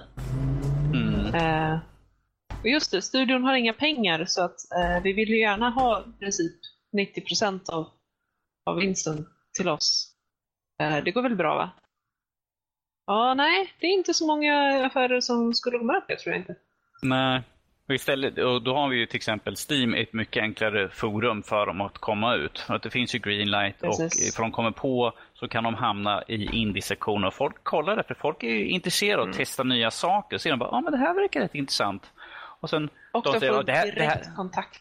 Precis, ja men det här var kul, jag rekommenderar det. Och folk ser det. Och så, Vi ser ju att indie-scenen har ju i alla fall någonting att vinna på, på den biten var digital. Att försöka få en fysisk kopia där är ju lite svårt. Men att för min, för min del vill jag ha fysiska. Jag har, till skillnad från Lotta som typ uppenbarligen har alla sina spel slängda över hela jävla stället så nu måste leta fram dem. Eh, jag har allt fint uppraddat i, blir min, i min lilla hylla här. Bredvid. Nej, men de, de ligger i, i mina flyttkartonger, jag ska bara packa upp dem. Aha. Fast jag ska snart flytta igen så att det känns jätteonödigt att packa upp. För att försöka få plats med dem någonstans och sen packa ner dem igen. En vacker dag kommer vi få en bild från hur det ser ut hemma hos Lotta när hon har staplat upp alla sina spel så fint och radat dem i bokstavsordning, årsordning, favorit till sämst, eh, vem vet. Du, jag har nazikoll på mina bokhyllor, du ska bara få se. De som inte passar blir gasade. Jesus Christ. Jag vill tacka för att folk lyssnar på podcast. Vi kommer aldrig mer komma tillbaka efter det där. Tack Max. Varsågod, varsågod. Bara de bästa skämten från mig idag. Jesus, det är nästan så jag önskar Fredrik var här. Han, han kan inte ha gjort sämre än det. Eller? Nej, men som Och sagt. underskatta inte Fredrik. Nej, precis. Eh, Men i själva frågan, att jag ser för att, som jag säger, pengar styr. Och i det här fallet, vill man att folk ska köpa mer, sänk priserna. Jag förstår att de inte gör det med fysiska kopior. För, det, för först sätter de ett pris och sen sätter butikerna väl ha en del av kakan också. Så det stiger alltid. Och Man tittar ju, eh, det är ju stor skillnad mellan dem. Mellan konsol och PC-spel också. Så jag förstår att folk vill ha PC istället. För de är vanligtvis 100-150 spänn billigare än en konsol, konsolspel. Och sen man får digitalt kan man kanske ska vilja Det skrapa har, om några det har ju att göra med kronor. att det går spelen som Microsoft och Sony tjänar pengar. Ofta så vill de ju sälja de sina konsoler till förlust och sen så tjänar de in pengarna på, på spelen. sen. Yes. Det är det de har gjort de senaste i alla fall två konsolerna. Ju. Om jag inte är helt galen så får jag för mig också att vill du utveckla spel till någon av konsolerna så måste du köpa en licens för att ha tillgång och utveckla spel till dem. Japp. Så att eh, de vill ju få ut så många konsoler som möjligt för att de vill att folk ska göra spel åt den. Och de tar ju en peng bara för att du ska få börja utveckla för att du ska få tillgång att utveckla till att börja Jag med. får få patcha ditt spel också. Japp. Måste du Ja också just det, och bara patcha. Det ska ju gå igenom deras tjänster så det ska de ju ha en summa för. Mm. Japp. Men eh, det är inte så att vi mobbar eh, konsoler. Nej, konsoler är jättebra men eh, det finns ett par Ja, begränsningar. Vissa saker, ja, precis. Vissa saker hade de kunnat göra bättre. Känns som vi har kommit ifrån ämnet lite. Definitivt, definitivt. Har, har vi alla fått sagt vad vi tycker? Jag vet att Danny skulle kunna tala en timme till, är jag rädd för. Ja, jo, jo, jo, det skulle jag säkert kunna göra och eh, sen skulle jag vara över på ni förstår vad jag menar. Och så håller ni med mig. Men om vi säger så här. Eh, alla tycker olika och så, klar, så kommer det alltid vara. Eh, sådana som använder Steam mycket är ju klart in favor för att ha digitalt. För att de, får det på direkten. Och nu också när de har börjat med de här preloada spelen. Att du har redan nedladdat. Sen när, när det liksom kommer fram till releasedatumet och liksom ping! En liten, en liten uppdatering och då kan du spela spelet. Och så kraschar Steam för att alla trycker på det. Precis, medan Japp. en annan som stod vid klockan 12 vid GameStop och skulle ha mitt Assassin's Creed, så jag stod i kö så där. Sen tog det mig kanske en timme att komma fram till kassan. Men det var helt okej. Jag märkte Ja, men alltså, det men är inte bara jag som är knäpp och vill ha en Collector's Det är ett Edition för äventyr det med. 1500 spänn. Oh yes. Det, oj, nu ska vi se. Jag vet inte hur många WoW-expansioner jag har gjort det för, men det, det är mysigt. Mhm. Tystnad. Okej. eh, Nytt ämne. Uppenbarligen. Ja, men då har vi gått innan- igenom lite om det där med, med digitala mot fysiska kopior. Låt, låt mig bara säga så här. Folk, folk som har en stark åsikt om det här, skriv in det till info.nordlivpodcast.se och skriv vad ni tycker så kan vi kanske ta upp det och eh, diskutera det här någon gång. Så ifall ni vill ha en rant med mig. Jag tänkte Mike. säga det, skriver ni in det så kommer han tala om det. Speciellt om ni säger emot den. Så att eh, ni kommer få en, eh, en one-on-one session med honom i så fall. Jag kommer komma till din dörr och sparka. Sen kommer jag stå så här, så här är det. Förlåt för dörren förresten, men du gjorde mig upprörd i vad du skrev. Japp. Du, du vet, jag är vore inte jätteförvånad om du faktiskt gjorde det här. Eh, Så vill jag ha besök av Danny, så som sagt, eh, info at nordlivpodcast.se. Eller skicka en inbjudan direkt till Danny att infopodcast... Vad säger jag nu? Danny at nordlivpodcast.se Danny är info Nordliv podcast. Ja, det blir ju liksom, jag bara, det, det är så jag brukar säga, för vanligtvis säger vi alltid vår mailadress och då blir vi liksom invant. När det liksom, jag ska ha mitt namn framför... Uh, Jämställd. Ja, men det var i alla fall veckans Yes. diskussion. Nu kommer jag tvinga oss ur det här. Okej. Ja, det är, jag är klar. Jag är klar för ranten den här veckan. Ja. Det verkar vara lite opinionrelaterat där. Man får välja vad man tycker, vad man tycker man är mest bekvämast i och vad man tycker får utseende och inte så. Men det, miljön har ingenting med saken att göra. Fortsättning följer nästa vecka på Nördliv Podcast. Tada. Jag, jag, Men, märker att, jag märker att någon kommer komma och slå mig över knäskålen nästa vecka så jag, måste, så jag inte kan krypa till datorn och vara med. Så här. Va, nej, jag förstår inte vad du menar. Någon, kommer, någon kommer gå hårt på mig med en hammare. nej, nej, nej, nej. Mina hammare är välpolerade. De, de behöver ha en perfekt finish så jag kan eh, fortsätta offline crafta lite. Däremot så har jag ett par svärd som skulle kunna eh, Max, Max, nu börjar hon igen. Nu börjar du med det där igen. Kan du bara för- föra oss vidare till nästa, nästa sektion? spelutvecklarsnack.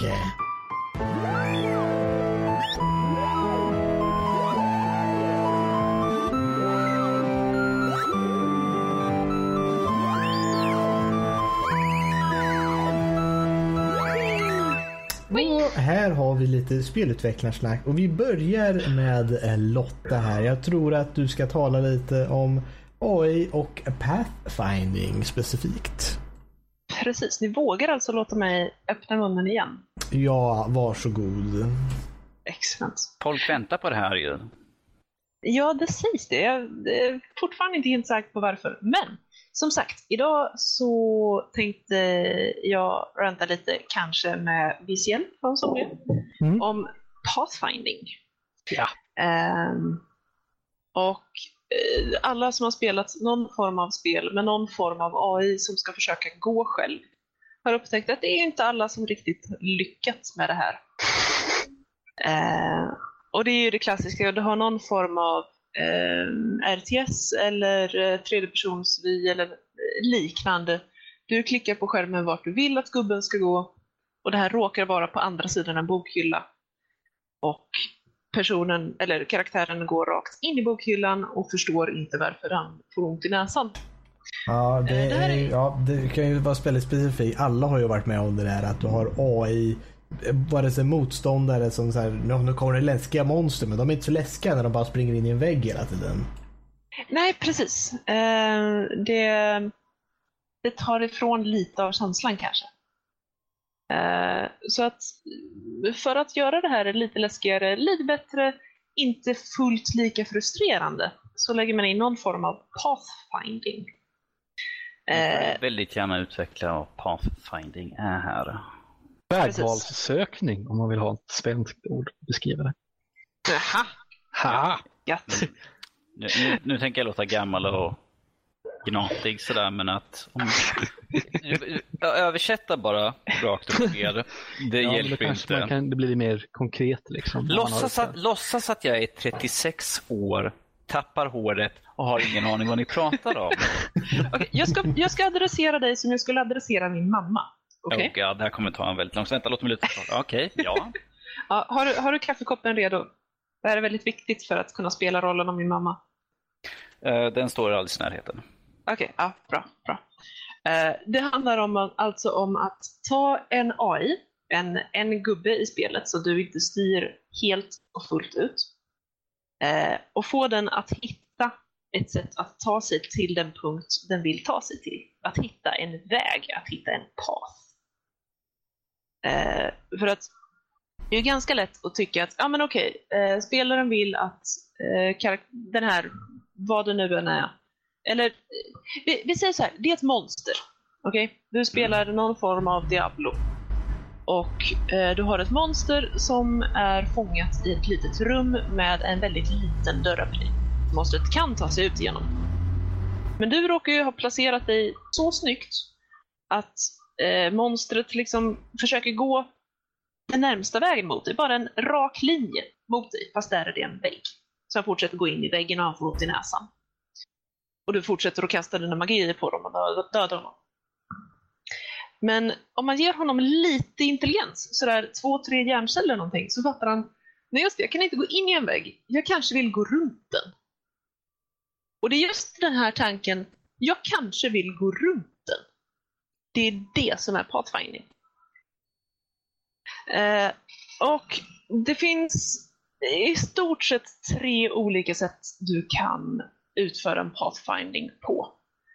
Eh, det är två dåliga sätt och ett bra sätt, jag på säga. Eh, det är width first, depth first och A-star. Och alla vet vi att vi tycker om stjärnor, de ger oss extra poäng. Eh, men bara för det så tar vi det sist, för det är lite bökigare. Um, säg att eh, det här djävulen ska behöva gå ett steg upp, två steg åt höger och två steg ner för att kunna ta sig till dig. Okej? Okay? Mm. Eh, då kommer han först, om man, om man säger att man gör en bredden först, sökning. Eh, och du vill hitta det sätt han kan ta sig till dig på så få steg som möjligt. Okej? Okay? Mm. Då börjar han först att söka, ja men om jag går till vänster ett steg. Okej, okay, då kommer jag inte närmare. Om jag går uppåt. Ja, nej, då kommer jag fortfarande inte närmare. Och så vidare. Och så inser han att hur jag än gör så kommer jag inte komma närmare. Ja, men om jag går åt vänster två steg då? Nej, kommer jag fortfarande inte närmare. Om jag går uppåt ett steg och vänster ett steg ja men då, då kommer jag faktiskt lite närmre. Ja men det, det var en bra grej. Men för säkerhets skull kollar jag hur det går om jag går uppåt två steg. Och så vidare. Eh, du kollar alltså eh, alla möjliga alternativ som finns i det här nätsystemet. Eh, fram tills det att du hittar en väg som faktiskt tar dig till dit du vill. Ja, det är väl varje steg egentligen som man kollar att du tar ett ja. steg åt alla möjliga håll och sen så kollar du efter det när du har tagit det så kollar du ett steg ifrån alla de möjliga hållen du gick åt och sen kollar du ett Precis. steg från alla möjliga håll du kunde gått åt däråt. Och på så sätt när du väl kommer till, till ditt mål så har du gjort det på så få steg som möjligt för att du har provat alla möjliga. Så liksom på ett steg så har jag provat alla, på två steg jag har provat alla, på tre steg jag har provat alla, på fyra steg jag har provat alla och där kom jag till mitt mål. Det var alltså fyra steg, det var den kortaste vägen. Ja, precis. Och det här inkluderar alla möjliga kombinationer där det går fram och tillbaka, fram och tillbaka, fram och tillbaka. Eh, I oändlighet. Eller i det här fallet fyra steg. För att sen det, det här, det här känns lite grann som att försöka, ifall du har en, eh, en, en, en padlock med en sån här kombinationslås. Precis. Nej, 1, 1, 1, nej, 1, 1, 2, 1, tre. Det känns lite grann mm. som det. Det är nästan precis vad det är. Ja, ja det är det. Eh, och ja, du kommer att få det mest optimala resultatet, men det kommer ju ta en evighet att komma dit. Att räkna ut det optimala svaret. Mm. Eh, vi har sen djupet först. Det är alltså att man tar och tycker, ja men okej, okay, om jag försöker på den här vägen och så säger man, ja men du får försöka max i tio steg för att sen börjar det bli ointressant. Mm. Eh, om du då hittar en lösning där du går, dansar fram och tillbaka i sex steg och sen går den här smarta vägen på fyra steg. Ja, då kommer han ta den för att du vet han hittar ju rätt. Eh, och grejen är att den här uträkningen är ju väldigt mycket lättare. Den går väldigt mycket fortare att beräkna för datorn. Men du hamnar ju där på tio steg och inte fyra. Att det är ingen särskilt smart räkning. Eh, sen kommer vi till det här fräsiga A-stjärna sökning, eller A-star. Mm. Och det är nog bestämt någonting som du har jobbat med en del Karl, nu på sistone. Eh, ja, stämmer alldeles utmärkt. Det har vi, har vi implementerat i vårt spel. Eh, Eh, vill du beskriva det eller vill du att jag ska beskriva det eller vill du att Max ska beskriva det eller vill du sätta Danny på pottkanten och visa att han inte kan beskriva det? jag vill att Danny ska sucka och himla så mycket som möjligt. Så han kan ju, nej. Eh, eh, du, du menar mer än jag gör liksom här i Ja, hemmets ja, ja. lugna vrå. Jag sitter och jag tror att ögonen snart flyger ur skallen på mig för jag himlar mer. Om det är till någon form av eh, constellation tänkte jag säga. Vi tappade halva våran eh, klass på universitetet på den här kursen om AI. Så, att, ja. Ja, nej, ta alltså, det gärna, seriously, Lotta, det är ja. ingen överdrift. Hälften Nej. av oss droppade när vi började prata om det här. Så att, Nej, men Det är ta det gärna. Ja, eh, jag får väl vara ärlig och säga att det här var ju första gången jag kom i kontakt med, med, med A-Star. Eh, Pathfinding eller Pathfinding överhuvudtaget. Så att, eh, nja, du får gärna ta det om du. Om det Jag kan ta den annars för det är faktiskt under vårt spel vi gjorde det här så fick jag faktiskt implementera en version av det här. mhm, mhm. Och Take man, it sä- away. ja, precis. Om man kan säga, det man har när du har djupet först mot bredden först. Då har du ju mot kvalitet om man säger hur bra resultat du får med bredden först. Mot effektivitet, hur hårt datorn måste jobba med djupet först. Den är ju jättebillig. Du kan få en, en eh, sökning direkt. Eh, och det är ju det här problemet man kan ha med en AI. att Han står still och så här, han håller på att gå igenom sin pathfinding. Och det vill du ju inte ha. Du vill ju ha en fiende som hittar den bästa vägen och han gör det direkt. Du vill inte spendera massa CPU-tid på det där och räkna. Och A-stjärna löser det här lite med så kallad heuristik. Och det har lite med, eh, dess, om, du om du har en startpunkt och du har en målpunkt och du ska ta det från A till B då. Så desto närmare du kommer målpunkten, desto bättre är heuristiken, desto mer är, en, är ett steg värt. Så då börjar han köra med den som ett mål, att han kommer förmodligen eh, börja söka varje punkt som han går fram och tänker att okej, jag kan gå fyra steg här. Vi tänker att vi har ett rutnät. Du kan gå fyra steg, du kan gå upp, ner, höger, vänster. Och du har ditt mål till höger om dig. Kanske en fem steg bort. Då kommer han testa alla fyra håll runt omkring sig. Och sen kommer han värdera alla de fyra mot varandra och tänka att nu ska vi se här, vilken av de här har bäst heuristik? Och då är den mot höger, för den är värd mer, för den är närmare målet. Och då räknar man lite på så, vilken är närmare målet? Ja, det är den här. Ja, men då tar vi och väljer den först. Och eh, sen om vi säger om man står där så har du ju då åt höger är värd eh, mest, upp och ner är värd lika och den åt vänster är värd minst för den är bort från, eh, från ditt mål. Och det du kommer göra är att du kommer ta den som är värd högst först och gå dit och sen därifrån kommer du upprepa samma process. Du kommer kolla alla fyra håll och säga att okej, den åt höger är värd mest, den upp och ner är värd lika, den åt vänster är värd minst. Och så kommer du fortsätta så. Kanske när du kommer till sist och märker att det är en vägg där. Du märker att ja, jag ska gå åt höger igen, men där är det en vägg. Och då blir det så, okej, okay, finns, den finns inte med att välja, utan då går du, tittar du på upp och ner och då är de värt lika. Och då tar du bara beroende på chans 50-50 att säga att eh, ja, men ja, då går jag uppåt. Och sen ser man där att ja, då ska vi se vilken som är mest värd nu och då förhoppningsvis så kommer han komma runt det där hörnet. Han kan börja mm, testa andra vägar och säga okej, nu börjar jag få lite, nu är den här första där jag började från början att den eh, övre är mer värd nu än den här punkten jag är på väg. Så då börjar man om lite. Och då försöker han lite vägar sådär på grund av värde tills han kommer till bästa. Så att man kan säga att han försöker söka eh, bredden först med djupet först. Blandning någon form där. Att du försöker komma så nära som möjligt den här målpunkten så gott du kan. Och det är ju så man vill ha det. Precis. Och han försöker söka alla vägar plötsligt. Så att helt plötsligt istället för att tycka att ja, men jag måste nog, jag måste nog testa, om jag går först till höger och sen till vänster, och sen till höger och sen till vänster. Ja, men jag vill nog kolla, om jag går till höger nu, kommer jag nå mitt mål? istället för att ens bry sig om det så tycker han, nej, jag vet ju att jag vill typ åt höger så att jag fortsätter väl gå åt höger och se vad som händer. Mm, och det är lite, det är lite mer eh, krävande programmatiskt om man säger vad man måste göra för att helt plötsligt så har alla ställen du kan gå på har ju ett extra värde. Så att det krävs, den är mest avancerad att skriva, den är den svåraste versionen att göra. Bredden först och djupet först kan man kräva, ta lite bra grejer och säga att jag vill inte att du ska stå och studsa på Eh, samma väg fram och tillbaka. Att liksom, om jag kommer, om jag går ner ett steg och sen går jag upp ett steg, så går jag ner ett steg, sen går jag upp ett steg, sen går jag ner ett steg. Då sitter du i en oändlig loop. Då kommer du aldrig hitta ditt mål för att du har tillåtit din att gå på samma punkt som du nyss har varit på. Men som sagt, det här är egentligen något som är väldigt svårt att säga. Jag kan ju se en bild i huvudet och försöka förklara hur det här görs. Medans eh, folk som lyssnar kan tycka att det här är jättesvårt. Och det är jättesvårt. Jag skulle vilja ha en whiteboardtavla och göra illustrationer egentligen för att få fram punkten om man säger.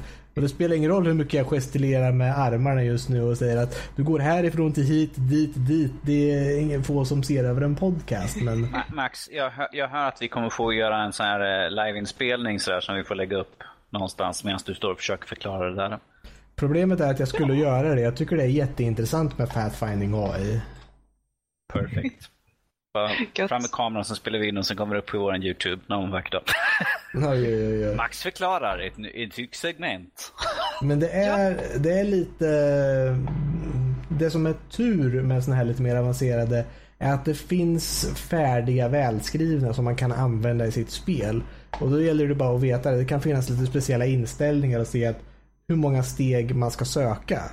För att om du ska söka, du kan tänka att det ökar ju exponentiellt att skillnaden mellan uh, att söka fram och säga ja men vart ska jag gå någonstans? Jag ska dit bort. Du säger från ett mål och jag, du söker fem steg. Det kanske är 15 steg dit.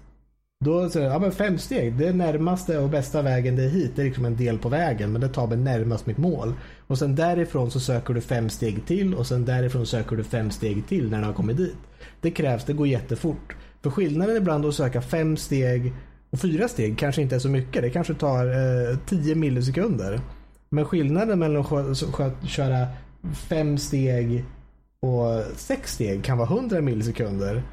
Och skillnaden mellan sex steg och sju steg det kan vara 1000 millisekunder. Då har du en gubbe som står still i en sekund innan han börjar röra sig.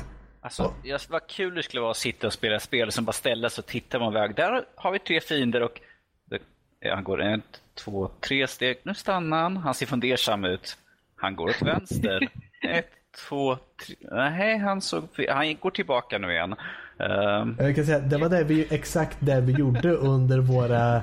Vi, hade, vi körde det där live för att se hur de sökte. Och säga att okej, okay, nu ser vi, då hade vi ett, eh, ett rutnät, en labyrint om man säger. Som vi hade en prick som skulle gå till ett mål. Och då ser man hur man söker. Han går, går, går, går, går in i en gränd. Okej, okay, Han går, går, går, går, går, går förbi den där gränden och så in i en annan gränd. Och sen går han, går han, går han, går han, så går han in i en gränd. Och så kan man programmera så han vänder och går ur gränden och går tillbaka till startpunkten och går tillbaka till gränden och går tillbaka till startpunkten. Och du en oändlig loop och så slår man så och rycker sig i håret och sen försöker man igen. Ja, frustration har jag där. Jo, men alltså det var faktiskt väldigt intressant för då kunde man ju verkligen se hur, alltså en dator, ett program har ingen intelligens om du inte ger den det. Men det, det blir ju ens med. egna. Precis, alltså den kommer försöka med alla möjligheter om du inte säger till honom Dude, uh, seriously, de här alternativen är bara skit. Så att, låt bli det. Ja, och det blir som ett litet barn som du har lärt upp. Den säger att nu kan jag ge dig vilken labyrint som helst. Så länge det är en 24 gånger 24 rutnätmässig labyrint så kan den här klåren. Och man kan se hur man liksom tränar upp den. att Okej, okay, du ska okay, inte in i grändar om man säger så. Du ska inte in där. Och så kan man se hur han försöker och försöker och till slut så har du sagt att okej, okay, du ska inte gå en loop, du ska inte gå in i grändar, du ska inte backa tillbaka. Och sen har du fått det där, ja nu går han igenom rätt och då känner man ja, jag har skapat någonting. Det är den här lilla pricken som går, det har blivit en varelse helt plötsligt som du har tagit hand om. Självfallet. Det är det som är grejen i hela artificiell intelligens. Yes. Så eh, nästa sektion, eh, neurala nätverk. Hur får vi datorer att verkligen fungera som en riktig biologisk hjärna? Oj, oj, oj, oj, oj. Självlärande program. Jesus. Skynet Ja, men det är lite kul. passar dig. Det- Alltså, man, man kan just nu göra en, eh, ett program som är lika avancerat som en mushjärna. Det är faktiskt ganska häftigt. Vilken prestanda beräkningskapacitet behöver man då? En hel del. Du måste En kunna, du måste kunna skriva, skriva squeak, squeak, squeak flera gånger om. Alltså. Jag menar det. Ja, nej men alltså, allt som har med AI att göra, eh, jag känner att det är lite av en ketchup-effekt eh, på inlärningskurvan. Där. Att först är den här, eh, det här omöjliga berget och du förstår bara inte hur du ska lyckas ta dig igenom det och du förstår inte hur du ska greppa hela konceptet. Det är Allt väldigt är sant. jätteavancerat. Sen helt plötsligt en dag så vaknar du upp lite alla Nemo going I know kung fu. Fast I know A-star. Det är väl Eh. mer jag kan rekursion. Ja, fast Ja, de, de, också. de så här uppenbarelser kommer oftast mitt i natten när man har så här gått och lagt sig i fru- frustration över att man inte kan lösa något problem och så kommer man på nej jag kan göra så här och så går man upp och så funkar det och så ser det fantastiskt men sen ska man upp till jobbet eller skolan om två timmar och så, så ja. Så det blir lite som det Ja, blir. det är som sagt det är jättesvår inlärelsekurva Eh, i början och lära sig hur faktiskt man ska göra de här eh, på programmatiskt sätt och programmera AI och speciellt Pathfinder för det kommer kräva oftast rekursion eller någon form av iteration där datorn be du behöver datorn måste kunna förutse bättre än vad du kan förutse och på så sätt så måste du skriva en kod som är bättre än vad du kan göra och tänka på stunden. Du ska bara sätta upp villkoren för det, sen ska du få den att köra, göras rätt om man säger. Och när du väl kommer över den här början och lär dig hur lite tänket och faktiskt börja jobba på det. Då, då, då är det roligt. Då blir det, då blir det svårt att dra sig bort istället. Så när du väl kommer över den här kurvan då drivs man nästan själv av det skulle jag vilja säga. Men det är med intresse att göra också. Så. Mm. Precis. Eh, Men som sagt, man blir lite eh, hjärntvättad efter ett tag. Men eh, med professor Max, eller professor Löfström, eller vad nu sektionen ska få heta. Ja, då ska vi väldigt mycket bra tala. Mycket intressant. Vi kommer på föreläsningen för nästa vecka så kommer vi diskutera om mer spelmarknadsnyheter. Men nu tror jag att vi har några ord också från vår korrespondent Karl som jobbar på ett annat spel. Fråga lite hur det går. Ja, jag står här utanför KTH i Haninge. Jag har fångat en random person som ska tala om hur det går. Nej, men eh, vi är väl eh, mer eller mindre färdiga nu. Det är lite finputs som behövs för att eh, vi märkte nu när vi, gav, när vi satt vår handledare att eh, spela vårt spel, då var det inte alltid så uppenbart hur saker och ting fungerar. Så eh, det är en, en liten vanlig fälla som jag skulle säga många nya utvecklare fastnar i. För att man, Definitivt. när man utvecklar sitt spel, du, du, du kan ju det ut och in, liksom, du, speciellt om, om du är bara en person. Då. Du kan ju på ut och in, du, du, liksom, du vet hur allting fungerar, du vet hur allt sitter ihop. Då finns det en viss risk av att du, du eh, tar saker och ting för givet. Liksom. Eh, eh, för vi Det, det är inte fattar- bara nya utvecklare som fastnar i det här. Alla Ja, det- utvecklare gör det. Eh, men speciellt då nya utvecklare skulle jag tro, för vi har ju fastnat i det här nu har jag märkt. För att jag, eh, vi, alltså vi lämnar in första versionen av rapporten nu i torsdags. Eh, men den ska, den ska ju opponeras och sådär. Så att vi har ju, deadlinen för pro- projektet är ju den 3 juni. Men i alla fall, eh, så att eh, nu, nu de här kommande två veckorna så ska vi till och med ägna oss en del åt finputs så här man ska få lite bättre user feedback så att användaren förstår vad man ska göra och vad den håller på med just nu. För det är inte vissa saker i vårt spel. Eh, det är inte, det är inte alltid riktigt logiskt om vad man ska göra. Så, där. Eh, så att, eh, ja, det är, en, det är en sån sak vi måste tänka på. Men vidare, ja, spelet är färdigt förutom de sakerna, alltså själva kärnan så att säga. Eh, vi har eh, eh, ett, äventyrsspel. Ja, okej. Okay. Precis, tänkte precis nämna det när de säger, frågar i chatten vad vi har gjort för spel. Vi har nämnt det innan. Vi har gjort ett äventyrsspel eh, inspirerat av Heroes of Might and Magic-serien. Eh, och det har all, eh, de flesta delarna från de, den serien fast lite, på en lite nedskalad nivå. Eh, där vi till exempel bara har en hjälte, bara en stad per spelare och bara fyra spelare per match. För det var lättast att programmera så, för annars får man tvungen göra massa extra. Så vi sa att man får bara vara fyra spelare. Ja. Eh, Vad enkelt det blir. Nej, tyvärr, vi begränsar hur många som får spela till fyra. Är, är, är det där vi sa? Orkar inte göra mer? Okej. Nej, tyvärr, bara fyra. Vi orkar inte programmera mer. Nej. uh, där man, uh, precis uh, som i Heroes uh, Might Magic-spelen, styr sin hjälte och rider runt på sin häst och slåss med monster på, på, kartan och sen mot de andra i andra spelarna. Och målet är då antingen, vi har sagt lite olika win states, antingen ska man bli nivå 15 för vi har ju XP och sådär. Um, mm. Vi har eh, så att man, om man samlar ihop 50 000 guld så vinner man. Eller om man är sist kvar så vinner man. Mm. Uh, då ligger det till med det. Uh, det var en till sak jag ville återkoppla till. Ah, I alla fall, det är viktigt med, med, med att man har man säga, QA, quality, quality assurance, eller att man har playtesting, så heter det. Playtesting. Mm. Yes. det är viktigt. Eh, så att eh, man, för eh, som, som utvecklare så missar man saker som man inte tänker på Definitivt. som spelare. Det är ju lite fusk att vara utvecklare för att du, du kommer ju in med lösningarna. Du vet ju redan hur du ska göra för att vinna. Och man testar bara så många grejer liksom. Det är inte alltid man gör. Okej, okay, jag vet vad jag ska göra för att vinna. Men vad händer om jag gör så här? Och vad händer om jag gör så här? Man kommer in på ett helt annat mindset. Och just som du säger där, speciellt med eh, hur saker funkar om man säger så. Jag menar, gör man en knapp som ska göra någonting.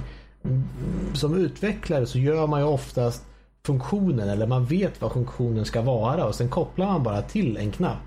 Då vet man ju redan vad den knappen gör så att säga. Då behöver man ju inte tänka, vad står det på knappen? Vart är den lokaliserad? Vart finns liksom eh, så här små saker som sagt? Eh?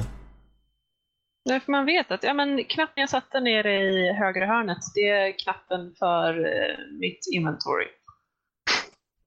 Ja, man bara vet det. Att, vi, vi fick höra någonting eh, väldigt eh, underbart, tyckte jag i alla fall, eh, när jag och Max pluggade. Att det finns inga dumma användare, det finns bara oberäkneliga användare. Tack, eh, jag gör allt för att synas, men eh, jag vill inte skryta. Tack, det är jag. ja, men alltså, egentligen är dina spelare inte korkade som inte fattar att det här lilla kugghjulet betyder inställningar. Eh, de bara kommer på nya kreativa lösningar på vad den här knappen kan betyda. Och det är väldigt viktigt att försöka ta del av. Och så får du den här att hur kraschade spelet? Jo, vi hade en användare som sprang runt i en cirkel i tre timmar och sen hoppade fem gånger på den här väggen och sen gick och la sig här borta. Och det gör så att spelet kraschar. Ja, det var bra gjort att de lyckades hitta det. Ja, precis. Tal, talar du av egen erfarenhet Max? Har du sprungit kring Final Fantasy i cirklar i tre timmar eller något sånt där? Du bara, jag har gjort en rigorös test, testning på Final Fantasy, springa i cirklar för att se om det kraschar. Och än så länge så kan jag rapportera att det spelet håller sig väldigt stabilt, lever upp till sitt rykte. Mm, okay. Mm, bra. Det och eh, emotes förstår jag. Ja, jo, men emotes har jag också provat. Se ett emote-maraton för att se hur många emotes man kan göra och en kombination upp till 120 gånger för att se så att ingenting kraschar. Mm. Mm. Men eh, jag tror vi är klara med vårt eh, spelutvecklarsnack. Yes. Har ni äh, ämnen eller frågor eller kommentarer eller äh, vill ni desperat äh, se professor Lövström och dennas lektioner på en whiteboard så skriv ett mejl till info.nordlivpodcast.se Är det folk som vill veta om det så tänker jag allvarligt göra det så gör inte det. jo, do it. Det, det, det, jag känner på mig att varenda, varenda avsnitt ska vara så här. Jag förstod inte, kan du förklara det igen? Kan du förklara det igen? Aldrig! Innan vi avslutar denna sektion ska jag säga det att nästa gång förmodligen nästa gång jag är med, om det blir så, så finns det förmodligen lite reklamsnuttar vi kan visa vårt spel. För det är den saken vi ska, vi ska skapa inför eh, för, eh, pres presentationen. Den 3 juni tror jag det var. Eller andra. Oh. Så eh, Lite. det har vi visat. Eh. Karl, Karl, vi tänkte egentligen ta det efteråt, men det här med att vara med nästa gång. Ah, Jag skojar bara. det är klart, klart du kommer vara med fler gånger så. Ja, ja, jag vet, jag är, så, jag är bäst. Alltså. Jag vet. Klart ni ska ha med mig fler gånger. Självfallet. väl. Det är tur att det är inget fel på självförtroendet här va? Det är bra, det krävs. Men det, det behöver man så här. Men ehm, nej, vi ska med skapa två stycken små eh, reklamsnuttar. En på 30 sekunder och en på två minuter. Så att, eh, ja. Mm, För, vad, man kan förvänta sig att se de reklamerna på, eh, förbi YouTube-klipp som man försöker skippa hela tiden i framtiden. Ja, det är Precis, något fram emot. Precis. Vi kommer inte alls bestämda av, eh, av de som gör Heroes of Might, de som äger rättigheterna till Heroes of Might and Magic. Nej, nej. Varför, Nej. varför då? Heroes of Might and Magic med CK. Ja, jag tror jag, jag tror jag har Ah. en, en working title. Jag döpte det till Heroes of Strength and Wizardry när vi ja. arbetade på det. Mm. Eh, men nu, är, nu kommer jag inte ihåg vad vi döpte det till. för Det var bara sånt där. Så, där. Generic fantasy title Ja, name. precis. precis. Ja, men eh, då har vi gått igenom det och jag tror att vi har lyckats tagit oss till slutet av denna podcast ännu en gång. Mm. Vad Mission complete. Gå och hämta era rewards eh, efteråt. Det är bara att lämna in questen. Du får en fruktkorg Vänta, måste jag och tillbaka ett en nej. questgiver? Ja, problemet är att han är i Spanien. Jag tänkte ju säga det, det är lite långt. Ja, just det. Han, Mr. Herr Olsson kom fram till Spanien. jag antar det. Han var, hade druckit väldigt mycket alkohol och frågade om podcasten var igång igår, men han har inte ens rätt på dagarna jag, därför. jag tyckte det var skit... Sorry Fredrik att jag outade dig liksom sådär. Men jag fick ett sms igår vid typ kvart över nio. Han bara, kör ni? Jag bara, nej, han frågade, när kör ni? Jag bara, i vanlig tid? Jag tänkte liksom han frågade om idag. Så jag bara, i vanlig tid tänkte jag att vi skulle köra. Han bara, vad är klockan där? Jag bara, klockan är kvart över nio. Han bara, ja, jag bara, podcasten är på lördagar. Så han bara, ah, okej, ja, ja. Jag är full. Ja, varför får inte jag fylla sms från Fredrik? Ja, men han, eh, fram, han, han liksom, varför är det ingen som, jag är liksom online och försöker kolla, men det är ingenting, det är ingen som vill, nej, vi får titta på nördliv sådär. Ja. Skit, jag bara, jag, jag bara, du får vänta i 24 timmar, lille, lille herr Olsson. Så det var ganska kul. Japp. Jag kommer få höra Eh. om, det här utav Fredrik sen, att jag liksom nämnde det här. Men i alla fall, jag tyckte det var skitkul. Han har kommit dit och liksom jag tittade runt lite grann där. Sprider nördlivs Uppenbar. gospel. Precis, han går där. Kom och lyssna på Nördliv- våran Nördliv svenska podcast. Mm, Har du uppenbarligen trevligt? ja, Det lite hoppas Eller saknar varmare oss. Fast nu blir det snart sommar ändå så det är ju inte så avis. Det hade varit värre om det var mitt i vintern. Ja, fast då, på sommaren blir det ju varmt. Så. då, då måste man gömma sig inne liksom med sin golvfläkt som... Ja, så du menar att jag har inte tillräckligt mycket nördkrädd att jag tycker om att det är sommar och sånt där? Ge ska. mig, ge mig vinter vilken dag som helst. Ge mig minus 20 grader. Jag blir bara deprimerad. Det blir bara mörkt hela tiden. Vet, så fort den här podcasten är klar så går jag och sätter mig på balkongen sen. Mm. Mm. Med kaffet i. Kanske ta en till. I, I kortbyxor, men nu har vi gått helt ifrån. Max, Vi är ur. Låt mig ta oss ur denna loop av eh, Pathfinding tänkte jag säga. Ser, det är det här som händer när man inte har någon bra heuristik på sin pathfinding-sökning. Jag har heristik. Jag vill gå till nästa del. Jag försöker. ja Max, Okej. kör nu. Eh, vill ni lyssnare kontakta oss eller ta reda på någonting om oss, om vart vi finns, hur ni kan få tag på oss, hur ni kan tala till oss, så finns all den information på nordlivpodcast.se. Där kan ni hitta alla streams, alla YouTube-klipp och länkar till iTunes och allt det där goa som vi vet att alla egentligen vill åt. Finns även lite information till eh, våran Teamspeak-server om ni faktiskt vill komma och tala med oss. Vanligtvis så hänger vi där, eh, speciellt helger när vi då sitter och spelar. Och vi har även en, eh, Nördliv community kanal där som är dedikerad till där ni kan komma in och snacka lite med varandra. Kanske diskutera dagens avsnitt för de som lyssnar live får gärna komma in där och tala med oss. Vi brukar sitta där efteråt ibland medan vi redigerar podcasten och så vidare för uppläggning. De kan komma in och diskutera lite grann med mig om digitalt versus fysiska kopior. Mm. Är det någon Yes. som antar utmaningen? Let's hope not. Jag vill sova ikväll någon gång. Jag trodde att vi skulle spela Final Fantasy ikväll. Ja, jag, jag sa någon gång. Om jag Ja, får eh, prata för eh, digitala kopior igen så kan jag säga det nu. Jag blev precis giftad en kopia av Star Wars Battlefront 2 av en kompis i Norge. Och hur lätt hade det varit om det hade varit fysisk kopia? Han var tvungen att köpa en kopia och sen var han tvungen att åka hit och ge dig den. Ja. Vänta, vänta, Då vänta. hade Pratar, ni kunnat pratar, spela du, tillsammans. pratar du med andra norrmän än med mig? Ja, okej. Nej. Max. Aj, aj, aj, aj, aj, aj, aj, aj. Ja, ja Bannhammaren. Men för att dra oss ur den här mardrömmen. Eh, mailadress. Vill ni få ta, skicka någonting allmänt till oss? Är det veckans diskussion? Är det förslag på veckans spel? Eller är det en nyhet ni vill tipsa om? Eller vill ni tala om spelutvecklingssnack? Några frågor? Något som ni skulle vilja veta? Så kan ni skicka allt detta till info at nordlivpodcast.se. Ser en trend? Mm.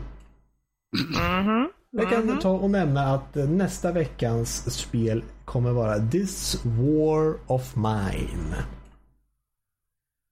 Och med det så eh, får jag be er alla så jättemycket adjö och tackar för att ni har följt med oss på denna resa, denna expedition i nördlivshistorik och podcasteri och grejer. Och jag hittar på så mycket ord för att få det att låta roligt. Säg hej då så vi kan gå. Hej då!